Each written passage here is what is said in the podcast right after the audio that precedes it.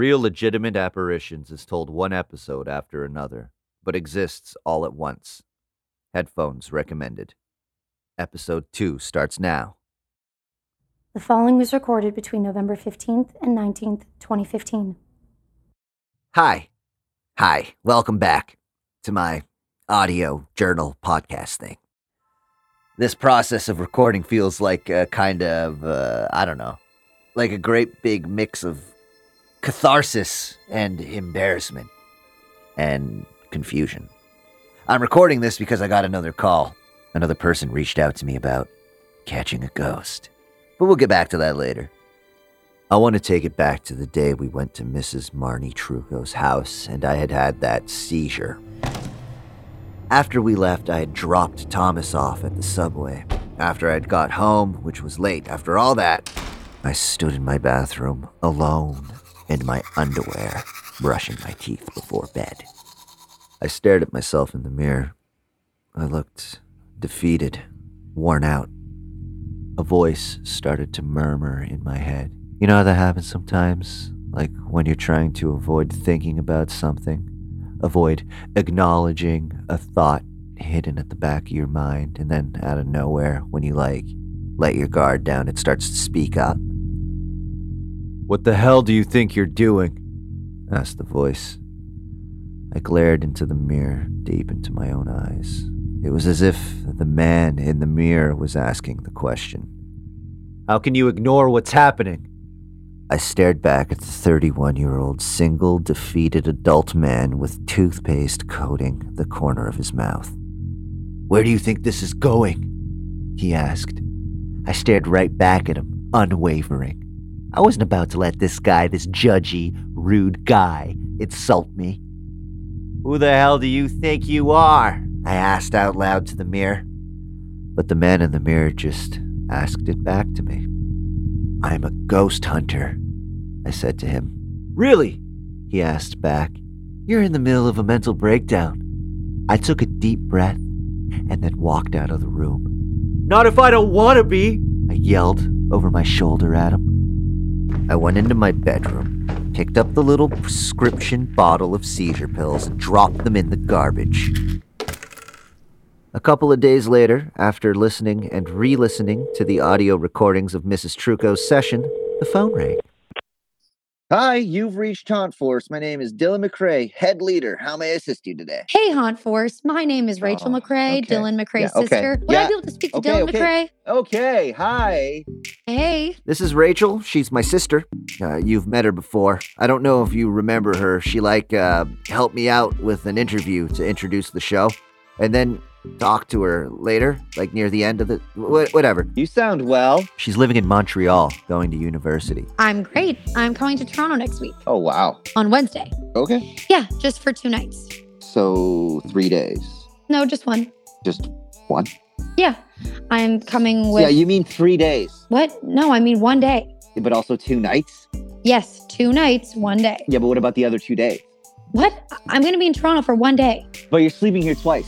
What are you talking about? It's freaking obvious. You you need to be in Toronto to sleep and wake Dylan, up. Dylan, You cannot physically be in a city for two nights and one day. I don't You can be in a city for two days and one night. what are you talking about? You can be in a city for seven days. I mean, seven nights Oh my and God, eight Dylan, days. But you cannot be in a city I don't for two nights about and one any day. of That this doesn't crap make that any you're sense. saying. Fine, I'll come down and I won't see you for the one day that I'm in Toronto. Yeah, she does this a lot. Uses that guilt card. My family, and by that I mean my sister and my mom, use that card a lot. Because if you're going Or they've maxed that card out. Yeah, that's better. to pick about every little They're racking up interest on that card. thing I say, then I don't want to see you at all. But of course, I accept guilt cards. Sure. Fine. Let's forget about the other two days and just hang out. I'm coming with my friend. Great. My friend's name is Desmond. Sure. We're staying at his dad's place, so don't worry about putting us up or anything. No way. Yeah, I, I, I won't worry. But yeah, if you're not a dick, it would be cool for the three of us. the us. three of us to- to hang out. Yeah. I'm seeing someone else in the evening, so as long as we finish before like eight, Oh yeah, we'll for sure be done by then. yeah. So that's on Wednesday Wednesday. of next week. Okay, Wednesday of next week. Okay. Well, I'll pencil it in. Lesson 2 The relationship between space and time. Now that we have a kind of understanding of what it feels like to live within the dimension of time, let's move on to studying it outside of our own experience.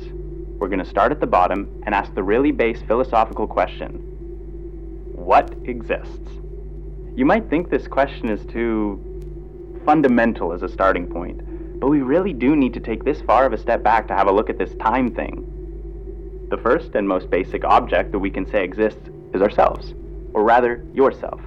This is because when you ask what exists, the most certain answer will be that the question or the thought, what exists, itself must exist. Beyond that, what else would you say exists? Let's imagine that one of these other things is a rock you are holding in your hand. If you move a rock you're holding through space, you'll notice a few things. Your rock changes location. You cannot make your rock disappear in one location and appear in another without the rock traveling along a path between those two locations. You might also notice that you can move your rock along that path quickly or slowly. We measure the differences in time between your hand being in one location and another as duration.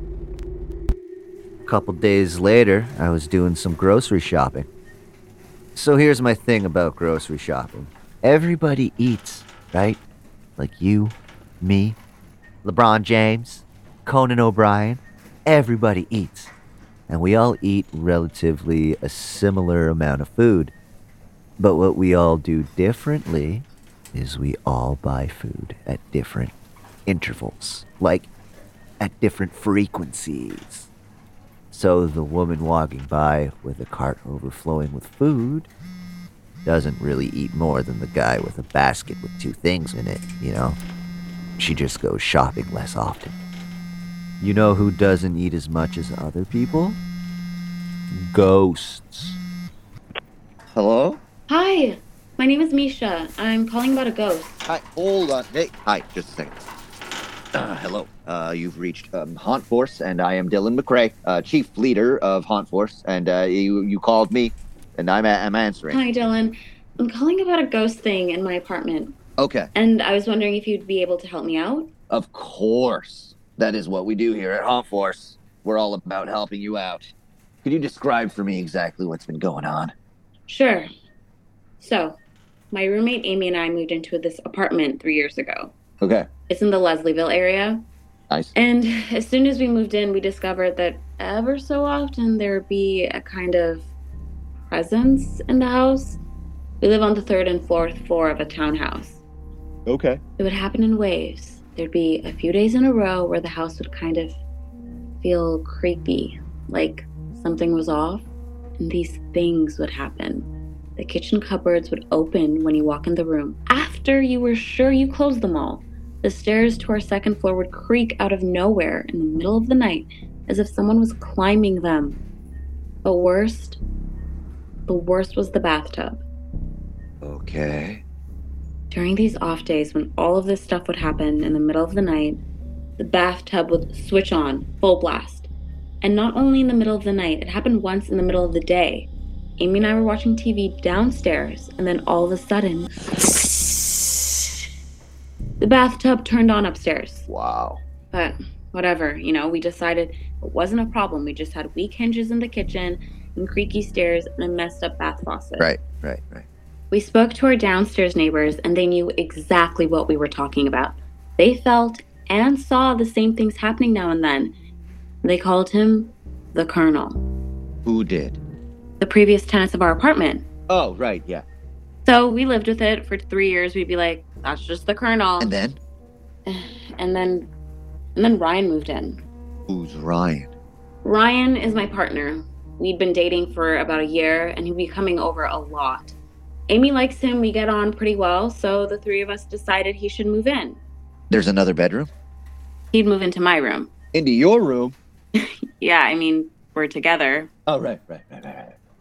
Yeah, so as soon as he moves in, the colonel gets up to his weird stuff opening cabinets, creaking the stairs, turning on the bath. And we all laugh and say, Ryan, the colonel doesn't like you. Right, right, right, right. It's like he's possessive. right, like it's a competition. Yeah, and this time it doesn't just last for a few days, it goes on for a week, two weeks, three weeks. Wow. Yeah. And then one morning, early, I got a call. This is like 6 a.m. from the downstairs neighbor. They say water is coming out of their ceiling and into their bedroom. It's our bathtub. It's been running all night. The entire bathroom has flooded. The water has trickled down through the wall, through our apartment, and into our neighbor's bedroom below. Right. What was the weirdest is that we didn't wake up. Usually it wakes us up, all the gushing water, but not this time. So, we had a family meeting. The three of us got together and we decided we have to do something about the colonel. Did you call a plumber? Yeah, we called a plumber. They tightened some joints and cleaned out the drain, but they said that everything was working perfectly and we just shouldn't leave the bathtub running unattended. Right. So now I'm calling you. Wow. Okay. That is weird. That is abnormal. Paranormal. And it definitely does sound like you got yourself an energy force living in your place of residence. How soon can you come? Oh well, you know, uh, we got a ton of appointments. We're we're actually stretched pretty thin. Does next Wednesday work for you? Next Wednesday? Wednesday next Yeah. week? Yeah. Uh, I'm just checking the old schedule here. Yes, Wednesday of next week does work for me. For us. Great. Let's do it. Yes. I'll uh, I'll I'll pencil you in. If I were to ask you where is your rock, you might tell me about two feet from my face. But that doesn't really answer my question. Only where your rock is relative to your face. If you were to give me the answer, the city of Toronto, that would just be relative to the planet Earth. It is impossible to answer this question in an absolute and not a relative fashion. The issue is even more extreme when we try to measure time. If I ask you, when is your rock? You might tell me that your rock is at noon on December 1st, 1999. By which, all you're telling me is that your location on planet Earth is now the closest to the sun that it can be on its current rotation around its axis, and the planet is at a certain position around the sun and has rotated around the sun approximately 1,999 times since a man named Jesus Christ allegedly died on a cross. Which has given me, at the same time, far too much information and none at all. If I ask you, how long does it take for you to move your rock between these two given locations? You might say, one second. By which you mean, my rock travels between these two locations in one one hundred thousandth of the time it takes the Earth to make a full rotation on its axis. As I rolled my grocery cart with a reasonable amount of now purchased groceries to my car, I called the executive field and operations manager of Haunt Force, Thomas Bracknell. Hello? Thomas, Hi, who's this? this is Dylan. Dylan McCrae, your oh boss. my god, Dylan! Hey! How are you? Fine. Just doing groceries, and I gotta tell Did you something. you give some thought to working together on our next ghost routine? I still want to know how you pulled that last one off. Um, no, I didn't give your idea any thought, but I, I did. I'm come telling up you, with- I'm telling you, with your skills, we could get something real cool going. We do have something cool going. Sure, but I'd love to make it happen on a larger scale. The scale's good. Look, I gotta be honest, Tom. Yeah? I, uh, I just, I, I, I don't like it when you call it a routine. Oh, okay. For me, it's more than that. Right, right. Like, I don't know, things are, are happening. But you don't think there's actually something there, do you? I mean, you can tell me. like, we work together. I'm saying you put on a great show, and within this Haunt Force thing, we gotta be honest with each other, right? Yeah. Look, I know it's not real. I mean, if you did actually think you're seeing things, then, like, we should stop this immediately because you'd be unwell. But if you don't want me to call it a routine, then I won't. I absolutely respect that. We got a call Yeah? Yeah? About a ghost called the Colonel. I'm ready when you are, Maestro.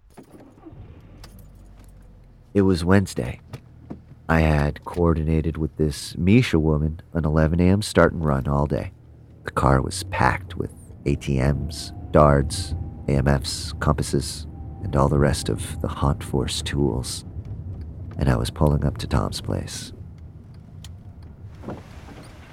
Tom! Hi. Cold today. Freezing. Come on in. All the equipment is accounted for? Yep. I brought snacks. I don't know if you'll need them. All right. Are you ready? Got those creative juices flowing? Huh. Hello? Hey, Dylan. It was my little sister, Rachel. What do you want? I'm driving. I want you to pick me up. What? You're coming to pick me up. No? Careful! Okay, well, we're here at Desmond's W- dad's. what? Do you want to do something? Where are you? In Toronto. At Desmond's dad. Oh my god. And it all rushed back to me. I'm coming to Toronto next week Oh wow. on Wednesday. Okay. Yeah, just for two nights. So three days. Dylan, You're in Toronto. please pull over. Yeah. Are we doing something? Uh. Dylan, you just ran a stop sign. Sure. Yeah. W- what do you want to do? Well, this is your city. Yeah. Do you want to go to a ghost catching session? What? It just so happens there's an opportunity for you to see Haunt Force in action. Oh, Who are you talking to? Text me the address and I'll come pick you up. So then, whatever, no big deal. We were at this Daryl guy's house. Hi. Picking up my sister, Hi. who had stayed at this man's father's house. Come on in. Dylan, this is Desmond. Hi. Hey Dylan, how you doing? Careful, there's equipment in the back. Sir Isaac Newton was the first to describe relative and absolute space and relative and absolute time. Absolute space is what would be left if you removed everything, all objects and forces from an area of space. It has directions up, down, forward, back, and side to side. It is immeasurable and immovable. Imagine floating in a three dimensional empty graph. Relative space is the relation between all the things that go inside the empty absolute space. Absolute time is much like absolute space, but a little trickier. It is one dimensional instead of three, so you can only move in the forward back direction. Try to remember your day up to this point. You carved a path through space, but you also carved a path along the time dimension. As you look back through these moments, imagine what would be left if you removed every event from all of these moments. There is no clock, no developments, no objects, but there is still this sequence of empty moments. Imagine a one dimensional line into the past and into the future. Relative time is made of the events that exist along this absolute time dimension. They have measurable durations between them and can be compared, like breakfast time, the length of time you brushed your teeth, or the year 1999. For 200 years, this view is the mainstream understanding of space and time, and it's the way that we still sometimes describe the universe. But as we continue our scientific investigation into these dimensions, we'll discover a whole lot more. And before we knew it, we had arrived at the Leslieville house at 11:40 a.m. Here we are. The four of us sat in the parked car and looked at the tall, thin stucco house with a few square feet of lawn covered in frozen brown leaves and encircled by a black metal fence. I looked at the top floor where I knew our colonel resided, the haunted bathtub. Ready? Let's head out. Hi. Hi, my name's Dylan McCrae, and this Hi, is my name's Thomas Bracknell, Executive Field and Operations Manager of Haunt Force. Pleasure to meet you. You as well. My name is Misha. Okay, I am the uh, chief leader, Dylan McCrae. Hi. Oh, uh, sorry. Handshake. Yeah, We spoke on the phone. yeah. You brought your whole team. Hi, my name's Rachel. Misha. Rachel's Nice the, uh, the the deputy assistant to the general, and this is Daryl Desmond. Desmond. Hi, Desmond. Uh, What do you do with Haunt Force? Shall we go uh, have a chat? By this time, we had all piled into this crammed entranceway. Misha was standing on the bottom step of a steep flight of stairs. Sure. Come on up. The stairs led to her apartment, which made up the top two floors of the townhouse. We all followed her, Thomas and I carrying our large duffel bags of equipment. Hi, everyone. When we reached the top step, another young woman was there, greeting us. Everyone, this is Amy. Hi. Hi. Hello. Hey, this is Dylan and Rachel and Desmond. So yeah, whatever. and- There's a lot of people. They all talk. uh, it's confusing. Thomas. We all say hi, everyone. and eventually I'm I get everyone into the living room. Should I hang up my coat? Of course, you should hang up your coat. And I get everybody sitting and quiet. So, Misha, we spoke on the phone about this energy force that is residing in your place of residence. Yes. This place of residence. Yes. From what I remember, you refer to this energy force as the Colonel. We do. So, we spoke last week. Has anything happened since then? Misha and her roommate look at each other meaningfully. Yes. Yes. Do you want to tell it? No, you start. Okay. Ryan was over. Of course. We think the colonel is protective of Misha. Yeah. And jealous of her boyfriend Ryan, who just moved in. I told them. Okay, sorry. Continue. Ryan was over and we were in our room and it was pretty late. We'd been watching TV, but we didn't hear anything or notice anything strange going on. And then Amy gets home and knocks on our door. Okay, you tell it now. Okay, so I got home. It's around like 1 a.m., and I head upstairs and into my room to drop off my bag and whatever. And then I go to the bathroom to wash up before bed, and I see that the bathtub is full like full to the brim of water. And I think, it's the Colonel again. Of course. And I think, that's weird. Who's taking a bath right now? Like, I'm pretty sure Misha and Ryan are asleep. So I go into the hall and I hear the TV. Sorry. No, it was low, don't worry. So I know they're awake. So I knock on the door and I ask them if they filled up the bathtub. And we said no. And they said no. So we talk about the Colonel for a bit. And our day. And our day. And we're talking for a few minutes. Then I go back to the washroom to brush my teeth or something, and I see the bathtub is now completely empty. There's no water. We were talking for like three minutes. Three minutes. They looked expectantly at myself, Thomas, Rachel, and Desmond, as if one of us should gasp in horror. Then I asked the most important question Where's Ryan? Now, he's out of town visiting his parents. Okay. And tell me, I changed tact. What does the Colonel look like? Um, we don't know. Yeah, no idea. We've never really seen anything. Any sounds? Speech? No. No. M- music? Music? Yeah. I, I don't know. Have you ever heard music when he's around? The two women looked at each other, confused. Music? Uh, no. Have you? No. Why? By now it was around noon, and I knew that we needed to get things started if we were going to get anywhere. Before that could happen, though, I needed to make sure that all six of us were on the same page, so we'd be ready for whatever happened. Before we get started here, there's something I want to go over. We all got to be on the same page, okay?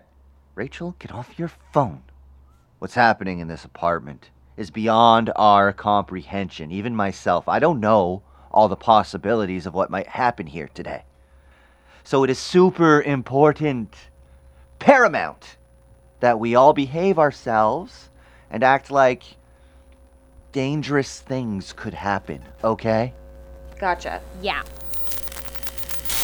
Albert Einstein disagreed with Newton's descriptions and argued that space and time are part of the same thing, which he called space-time. Let's try and get a visualization of four-dimensional space-time. Let's return to the image of you waving your rock in front of your face, and let's temporarily remove the dimension of time.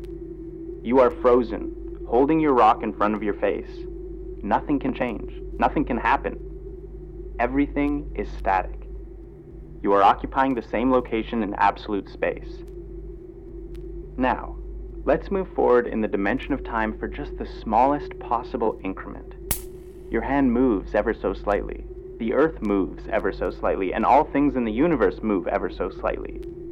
We now have two individual spaces. The first, which we began with, and a brand new space in which everything has moved slightly. Let's add a few more smallest possible increments of time so that we now have several different spaces, each with everything in slightly different locations.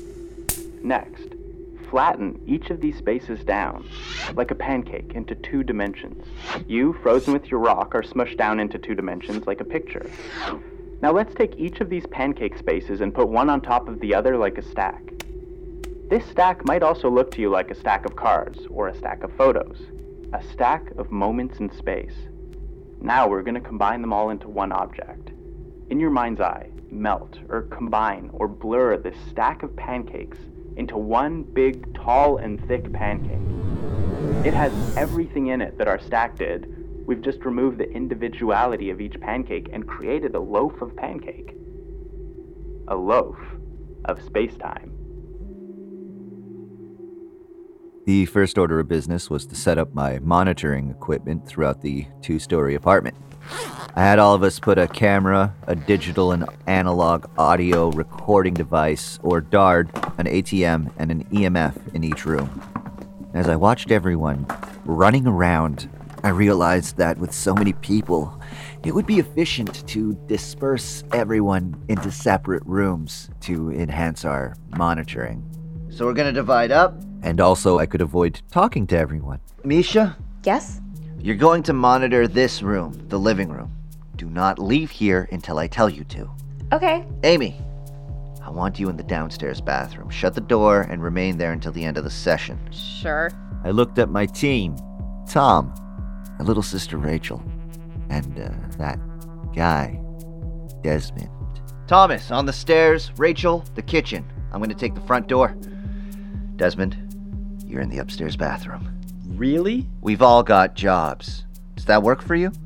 You know I believe in this stuff, right? For the first time, I connected eyes with the young man. He looked like how I felt. Even better. With the crew dispersed into their assigned rooms. Is everyone in position? Yeah. Yeah. Yes, sir. Yep. I am. I asked everyone to turn off the lights. Turn off the lights.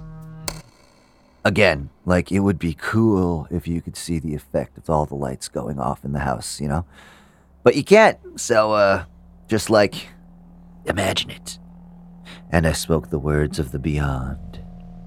Cerberus, curator of Silenti, Sinophasmatis, Venir contra mihi. Having all these people around helped. Phasmatis, radix quad causa vita, commodo adio suffragium, mihi in mus nicotium. I felt in control of the situation. Gratius agovos Cerberus protabelli Silentia et transio. This time I didn't feel afraid. Gratius agovos phasmatis pro iunctio mihi in mus nisus. Uh, check, check. Uh, I think that's too close. Uh, hey, this is this is Desmond. Hi. Um, my name is Desmond. Uh, Dylan gave me the chance to, what do you say? Uh, attest to the reality of what happened in the bathroom tonight. So yeah, we were all in the rooms that Dylan had told us to go to with the lights off. The bathroom had a window that looked onto the roof of the next house over, uh, and there was a sink and a little mirror hanging over it. On the other side of the room was the bathtub. It had a plastic shower curtain hanging from a rod. It was a toilet. I don't know. It was a regular small white bathroom. I was looking super clean. After I spoke the necromancy Latin words, everyone held their breath. That off feeling filled each room. I closed my eyes and pictured all my paranormal instruments scanning and clicking and recording all the frequency variations. So, to be honest, like, I've never known how to feel about ghosts and that kind of stuff. Like, I definitely wouldn't say I didn't believe in ghosts. So, I guess I do. I- get a feeling sometimes, you know? Just like in the gut. There's gotta be a place we go when we die. And I don't know where that is. But I definitely think that there's a possibility that some people don't like move beyond or whatever. Maybe some of them stay here. And like that's that's pretty freaky. What do we do now?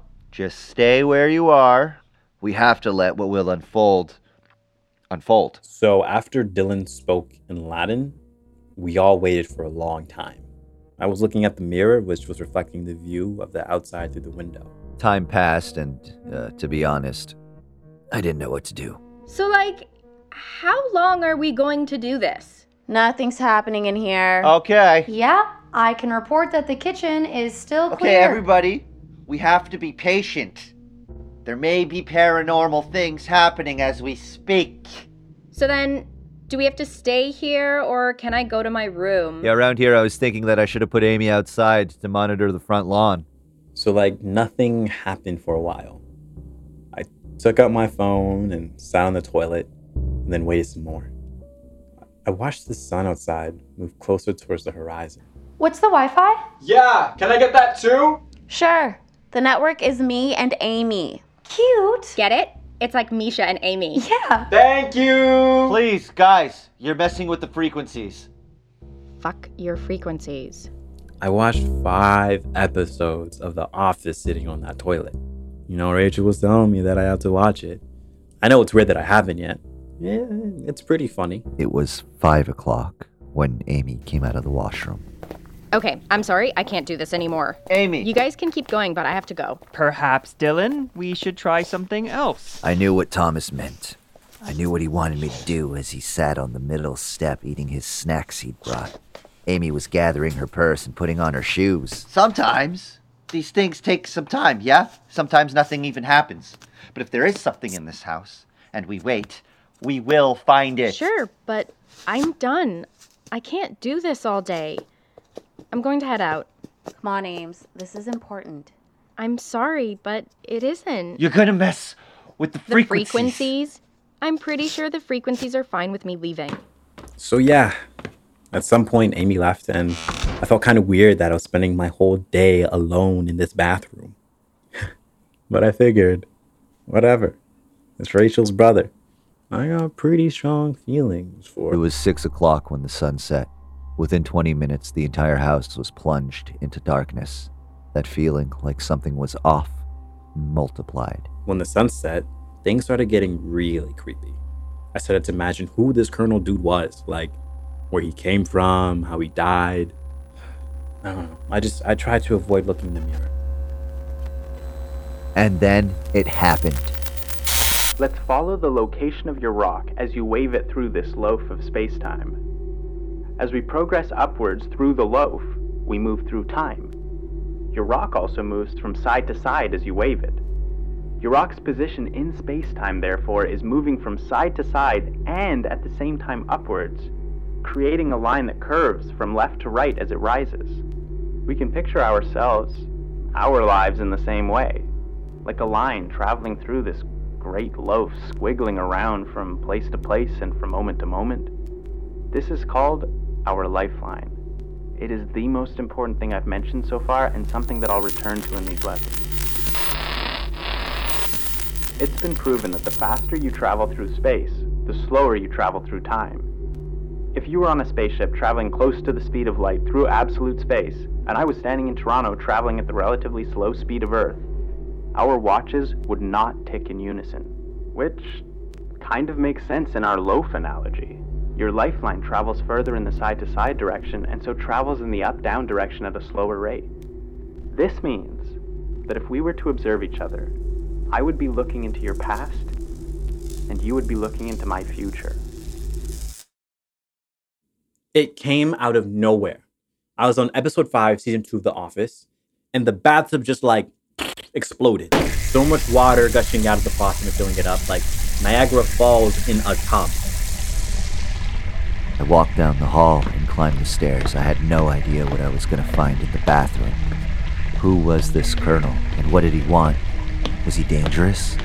Was he going to be standing there when I opened the door? I heard the water gushing in the tub, and the song erupting as if from nowhere. As I approached the bathroom, I smelled metal, iron, blood. The hall was getting very hot, and I didn't know why. I closed my eyes and opened the door to the bathroom. Then the door opened, and Dylan came in. He had a smile on his face. Inside the bathroom, I saw Desmond sitting on the counter. He both was and wasn't there. Dylan looked around the bathroom. I said, It just started out of nowhere. His voice sounded far away, almost like a memory. and then Dylan walked past the bathtub and to the window.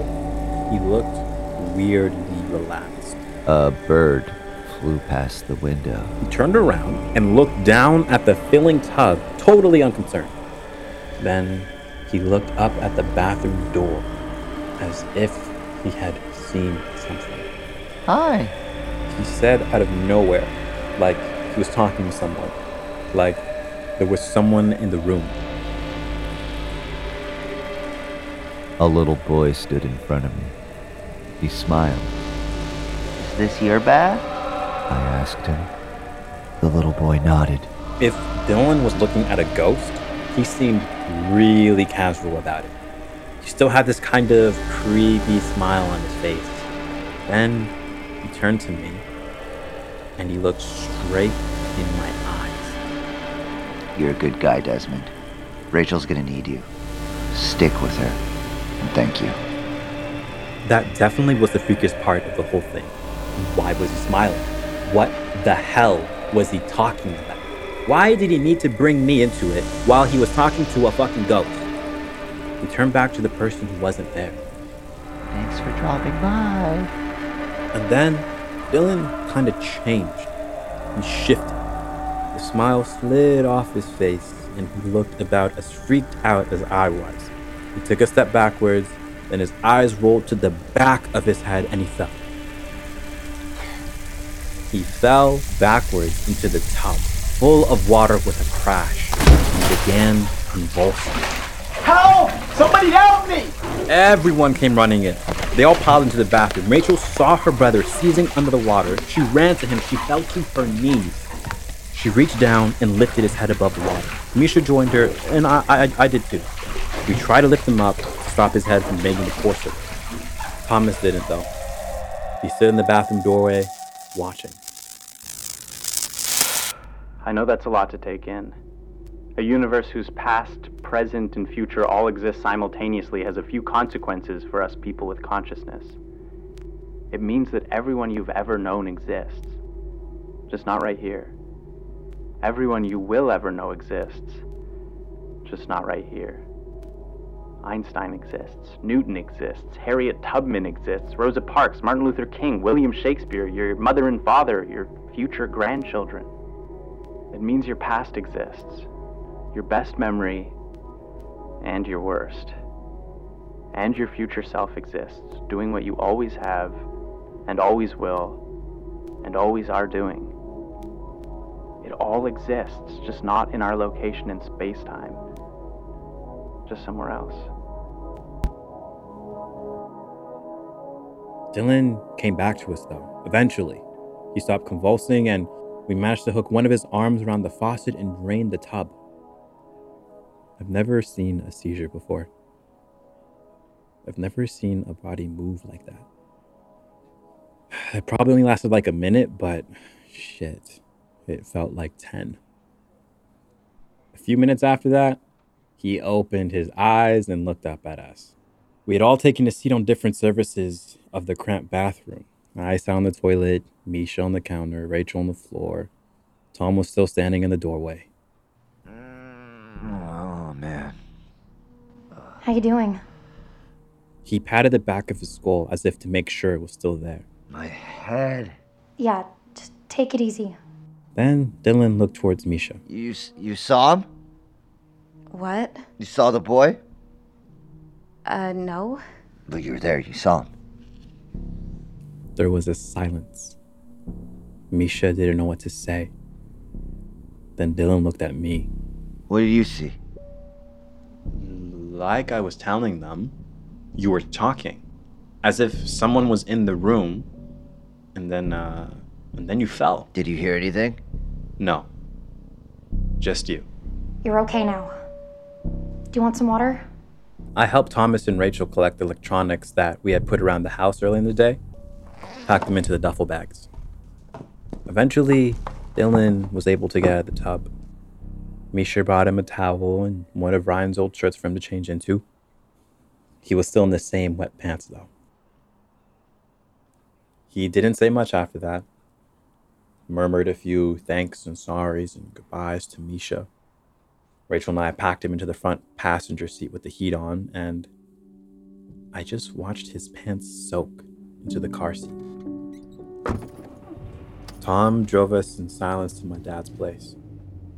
Dried, frozen leaves blew in the front of the headlights as we drove along Gerrard Street. Rachel was unsurprisingly the first to break the ice. That was pretty wild. Yeah. So is it always like this, Thomas? Um. There's less water. No, it's not. How did Misha hear about Haunt Force? She didn't say. Oh, oh, uh, Rachel, don't you have to see uh, a friend after this? Oh, yes. Thank you, Des. Uh, are we going downtown? Sure. Can you just drop me? Yeah. We, uh, then we dropped Rachel downtown. Bye. Uh, text me. Will do. Uh, bye, guys. Thanks for letting me join today. I hope you feel better, Dylan. Goodbye, Rachel. Bye. And then Tom drove to a subway to drop me off. Of course, it was an awkward drive. Just the three of us. What made it worse was that playing over and over in my head was what Dylan had told me in the bathroom. You're a good guy, Desmond. Rachel's gonna need you. Stick with her. And thank you. I wondered if he remembered saying it and why he said it. Anyway, those are my thoughts. I'll send this MP3 back to you, Dylan. Hope this is what you're looking for. It was that night that I knew I couldn't stop what I was doing. I know, right? Here I am thinking that nearly dying from having a seizure in a bathtub means that I'm on the right track. Huh. But that night kind of solidified a few things for me. I'm done with hospitals. I've been in there for epilepsy, nosebleeds. I spent a lot of time as a kid at the counselors after dad left. I'm not about to tell anyone I'm seeing ghosts. What became solid for me that night is, is that this was not a one off event, obviously, and that there was a lot more going on than meets the eye. What uh, you don't know yet, listener, is that the little boy wasn't the only person in the washroom. Misha had been in there as well, standing in the doorway. She had a big smile on her face, and she was relaxed like Desmond had said I was. And then, right at the end, as my seizure was beginning, she had looked me dead in the eye and said, It's good to see you again. I'm telling you this because I don't think I'm going to release this audio journal podcast thing for a long time until I understand what's going on. Uh, because this podcast isn't exactly anonymous. You know my name and my business and that I live in Toronto, Canada. So you could pretty easily find me and say, lock that guy up. He's insane. So I realize I won't release this until I am sane. Regardless, I'm not going to stop. I know someone else is going to call me out of the blue and not tell me how they even heard Haunt Force. I know this is going to happen again, and I understand a little bit more than I did before. Kind of. I understand it maybe 3% more than I did last time, which was 0%. So I know an infinity more than I did last time. So that's progress, I guess. So when I get that next call, I'll add it to this log, and maybe sometime in the near future, someone will hear it. And if that's you, I hope you have a good day, and uh, I'll talk to you soon.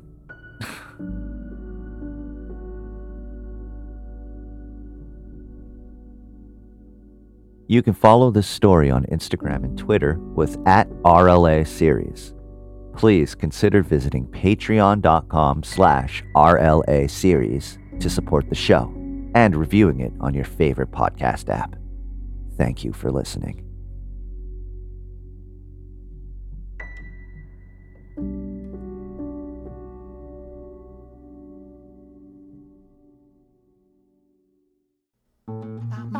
This podcast has been brought to you by the Sonar Network.